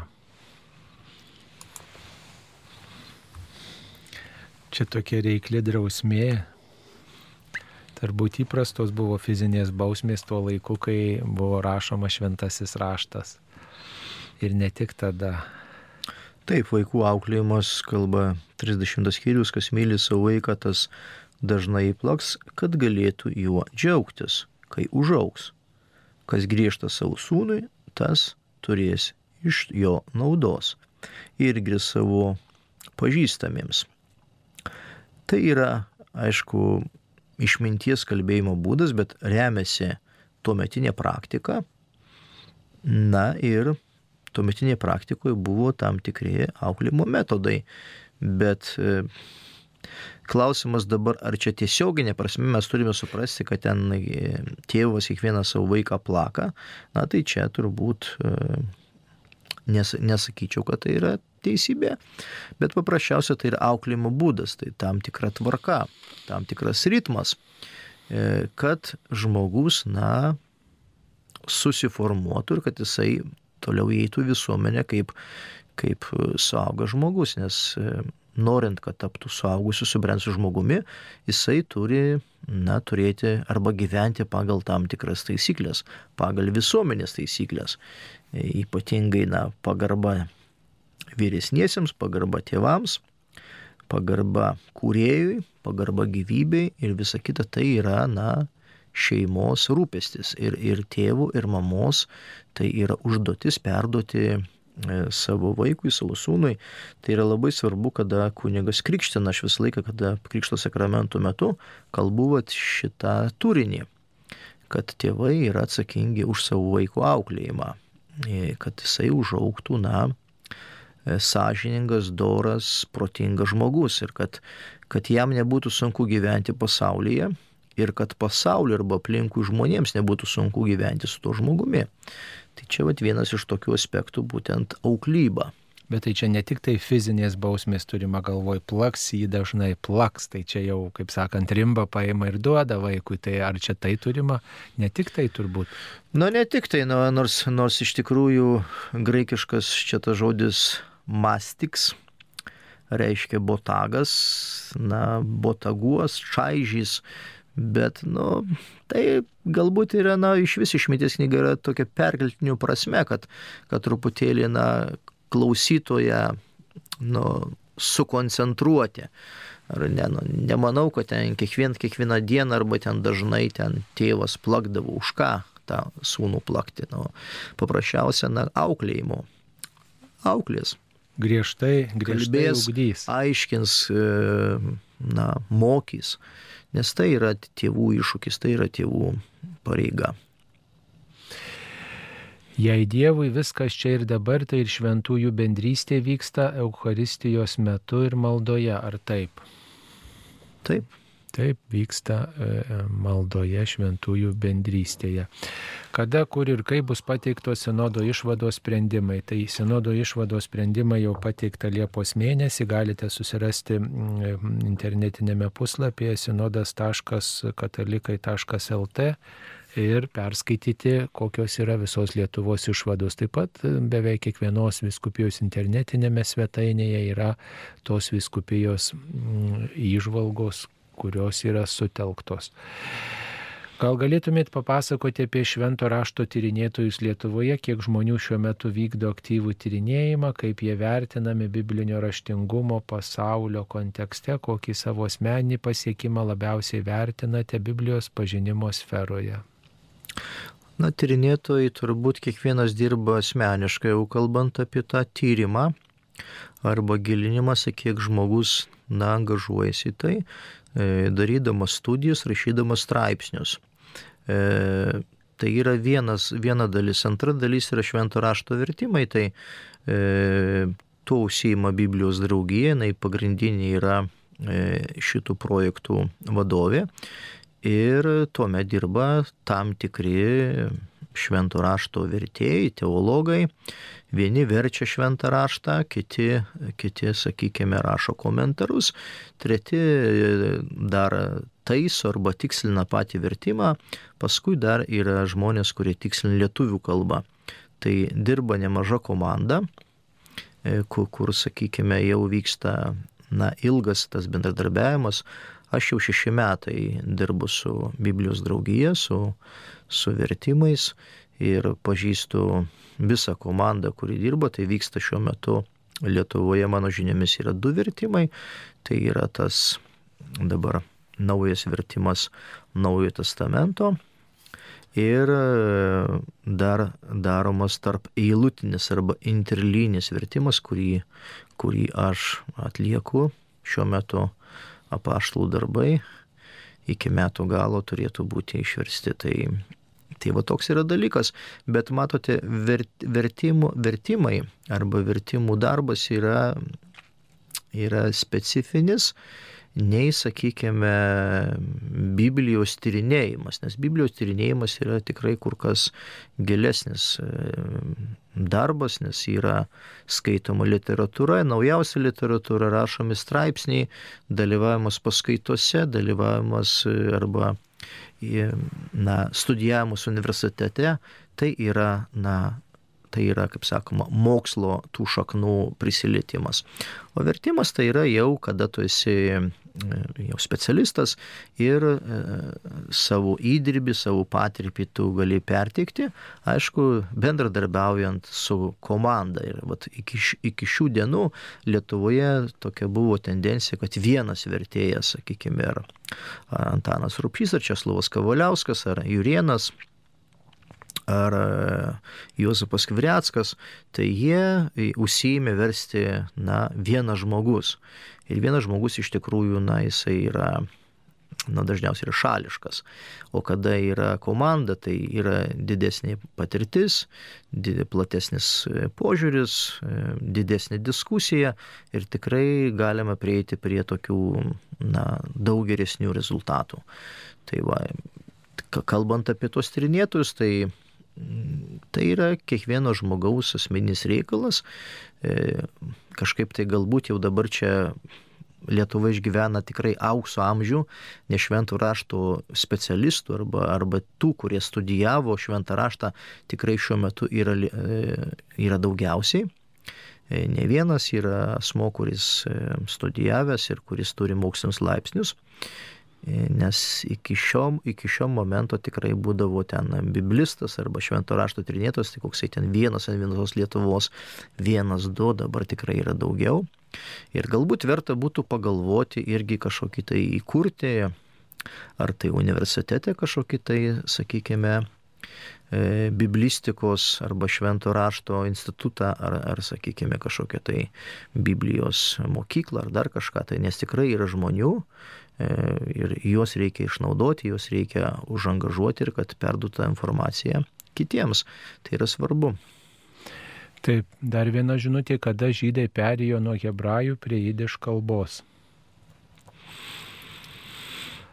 Ar yra žinoma tas, ta, tos datos ar, ar aplinkybės? Na, iš vis čia toksai, toks Įdomus klausimas, nes hebrajų kalba jau Jėzaus laikais niekas nekalbėjo, jeigu taip jau kalbant, ar ne, nes hebrajų kalba praktiškai mes skaitome, kada grįžta žydai iš Babilonijos nelaisvės, tai yra, tai yra 5 amžius prieš Kristų, 515 kažkur tai metai prieš Kristų, tai jau, jau mes matome, kad e, Nehemijas, e, kuris daro reformą, e, jis jau pakviečia kunigą Ezdrą, kuris e, skaito tą hebrajišką tekstą ir aiškina. Tai reiškia, kad jau žmonės jau nemoka hebrajų kalbos. Ne? Tai yra penktas amžius prieš Kristų. Na, dėl to atsiranda aramėjų kalba, tai sakykime, hebrajų tam tikras dialektas. Tai tada galime mes pasakyti, kad jau nuo penkto amžiaus jau hebrajų kalba e, funkcionavo tik tai kaip tokia liturginė, kaip, kaip šventykloje. Bet, e, tarkime, šventą raštą, vat, sinagogose e, šeštąjį skaitė jau aramėjų kalba. Ir tas tekstas vadinasi būtent targumai.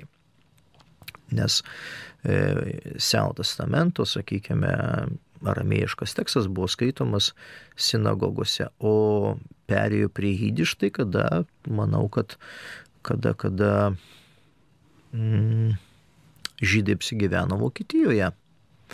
Tuomet e, buvo, na, sukurta ta e, dirbtinė, ta jidiš kalba, kurioje yra nemažai ir vokiškų žodžių, nemažai išlikusių ir aramėjiškų arba hebrajiškų žodžių. Dabar, dabar grįžtama prie tos tarytum ir, ir mm, hebrajų kalbos, bet aišku, ne, ne prie tos e, klasikinės, kuri buvo biblinė, bet e, irgi dabar nauja. Taip, naujausias naujo testamento vertimas lietuvių kalbos požiūrių skamba praščiau, ar jis atskleidžia naują svarbę prasme. Na čia reikia žiūrėti vat, į vert, vertėjų arba vertimo tikslą.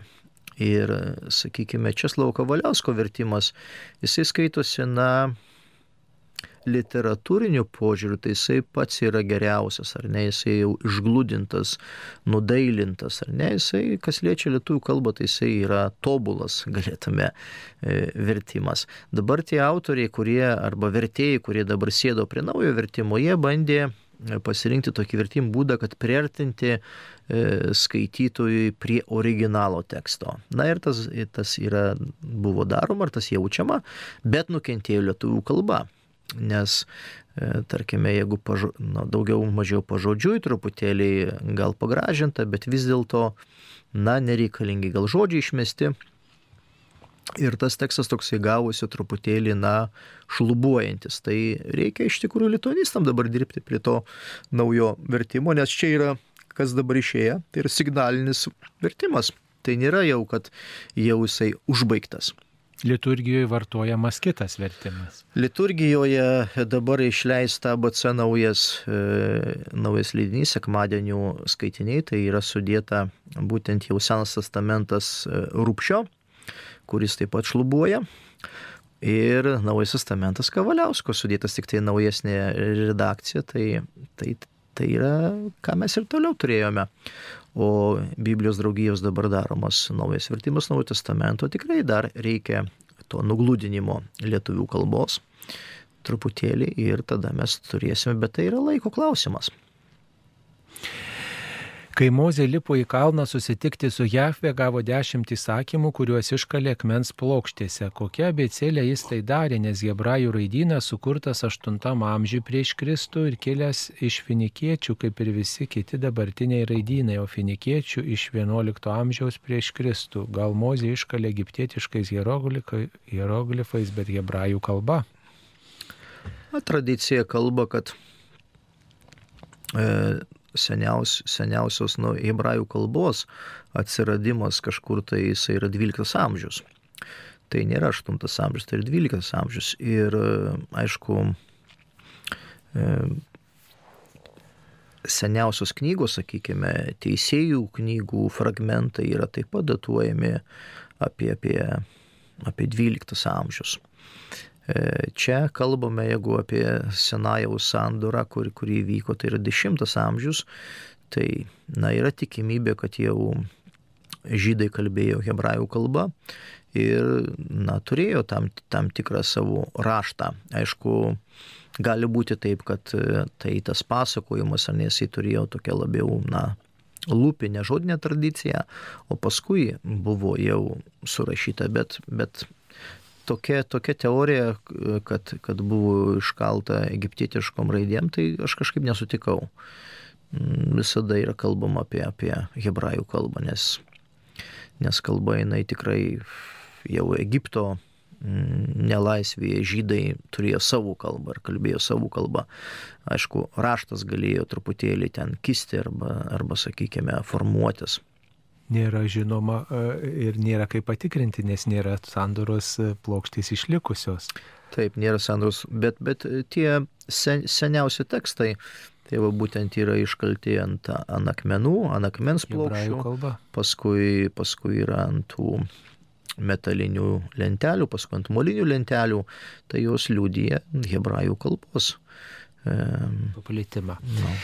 Ar noras žmogui įsiaiškinti visas gamtos paslaptis yra puikybė? Turbūt nėra puikybė noras įsiaiškinti, bet e, turbūt skirtingi yra aiškinimosi būdai. Vienas, kad aš įsiaiškinsiu ir aš čia pasakysiu, kaip turi būti, kitas yra turbūt atvirumas kuriejui, tas noras pažinti, noras ieškoti tiesos, bet toks pagarbus. Galbūt dar toksai pas mus dabar yra, na, toks tendencija tokia, kad, e, tarkime, va šitas aiškim būdas yra tikras, teisingas, o visi kiti yra blogi. Na, tai irgi toksai yra truputėlį, na, sektantiškas požiūris, nes šiaip e, turėtų būti toksai at, atviras klausimas, atvira diskusija kad e, šitas metodas yra na, priimtinas labiausiai, bet galimi ir kiti būdai. O ne taip, kad uždaryti duris, kad, sakykime, tik tai šitas, o visi kiti yra blogi arba netinkami. Taip, dabar dar vienas klausimas apie aistrą santokoje. Kokia turėtų būti praktikuojama aistra santokoje?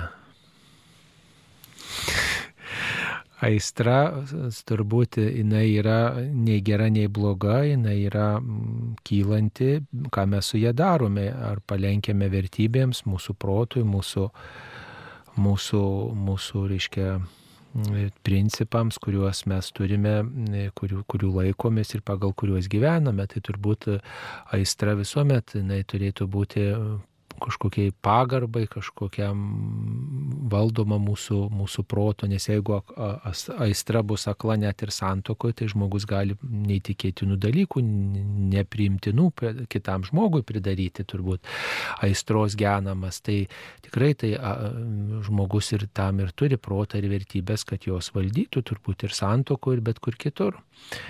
Ar katalikui dera įstringai palaikyti krepšinio komandą? Tai krepšinio komandą galima palaikyti, bet vėlgi reikia turėti, e, kaip sakant, protą ir, ir, ir nepasiduoti aistrai. Prisimenu dar studentiškais laikais, studentų bendrabučiuose per krepšinio varžybas, tai lėkdavo iš balkonų ir šaldytuvai, ir tie patys televizoriai voliodavosi, ir, ir, ir visokie daiktai. Na tai vat, kas būna, kai žmogus aistrai pasiduoda ir kyla ir riaušės, ir muštynės, ir daiktų žalojimas. Tai tikrai nedėra taip pasiduoti be proto aistrai, reiškia. Va.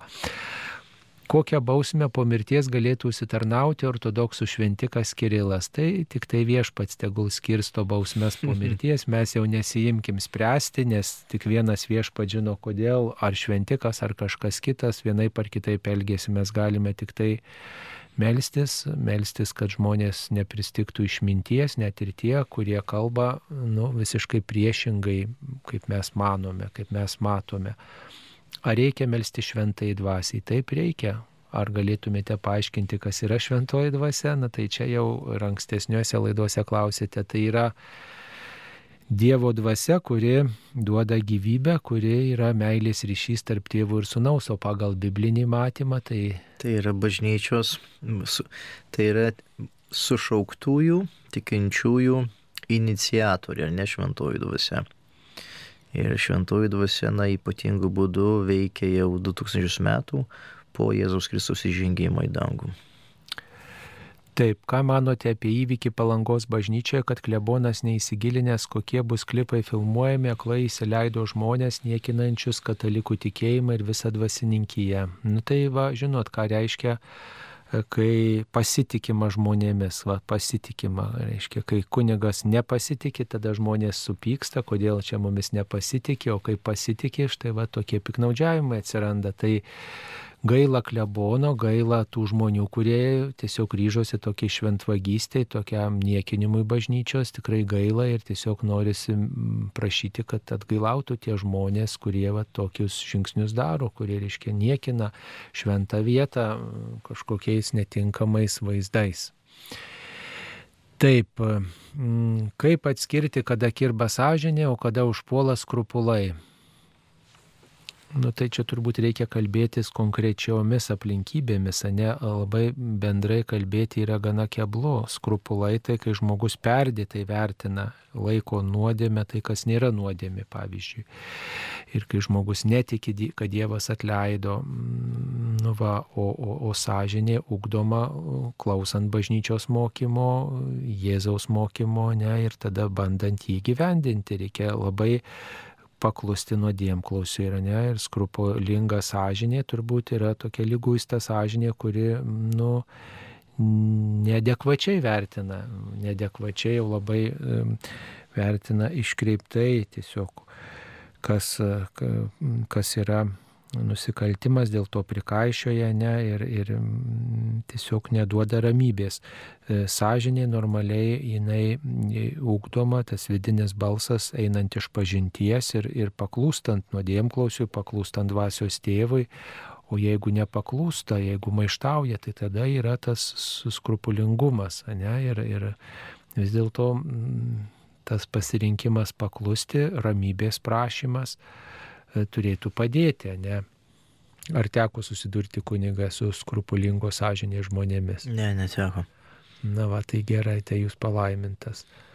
Taip, e, kaliniai turi kapelioną, jie padarė žalą atskiram asmeniui, o Lietuvos Seimas turi kapelioną, jie daro kartais žalą visai Lietuvai, jie turėtų eiti iš pažinties kas savaitę. Na tai va, ar jūs einat kas savaitę iš pažinties, norėčiau klausiusio jo klausti. E, Tai kiek žinau, Lietuvos Seimas kapeliono neturi, nes ten yra ne tik tikinti žmonės, yra ir netikinčių žmonių, tai kiekvienas e, turbūt e, sprendžia pagal savo sąžinę. Yra ten maldos e, kampelis Seime, bet kiek ten žmonės meldžiasi, tai čia tikrai didelis klausimas. O šiaip už valdžią, aišku, reikia melstis ir prašyti jiems išminties.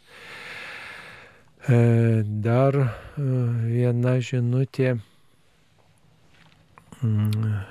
Labai džiaugiuosi, kad ruošiamas Naujojo testamento vertimas, net jei kalbiniu požiūriu skamba neįprastai, bet švento rašto tikslas turbūt yra geriau suprasti Dievo mintį. Ar tikrai toks tikslas suprasti Dievo mintį švento rašto? Na, vertėjų tikslas taip ir buvo, dabar naujas padarytas vertimas, kad labiau priartinti prie originalo kalbos.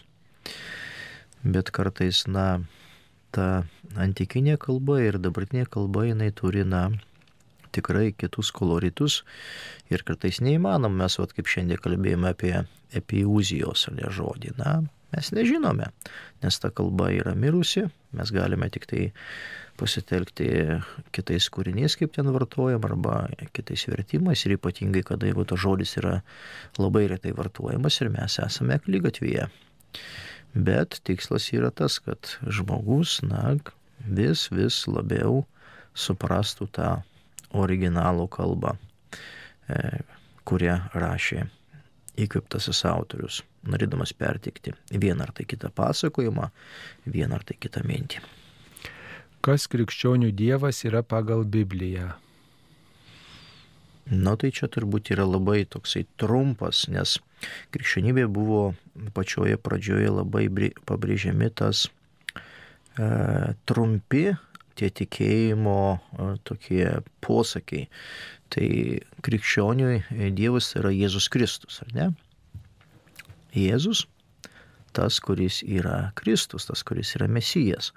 Tai ta paprasta kalba galėtum sakyti, kad krikščionis išpažįsta, kad Jėzus yra Mesijas, atpirkėjas, Dievo sūnus, kuris atpirko pasaulį, kuris atpirko mane ir kuris veda išganimą ir duoda pažadam žinajam gyvenimui. Taip, tai tiek žinučių ir klausimų sulaukėme šioje laidoje. Dėkojam kunigui Linui Šipavičiui, kuris yra Vilkijos ir Seredžiaus parapijų klebonas, švento rašto mm, vertėjas ir tas, kuris gilinasi į švento rašto įvairius klausimus. Ačiū Jums, kunigė, ačiū visiems, kurie klausėte, viešpats te laimina ir te saugo. Prie mikrofono buvo aš kunigas Saulis Bužauskas, būkite e, Dievą mylintis ir vienas kitą gerbintys visomis gyvenimo aplinkybėmis. Ačiū sudė. Su Dievu.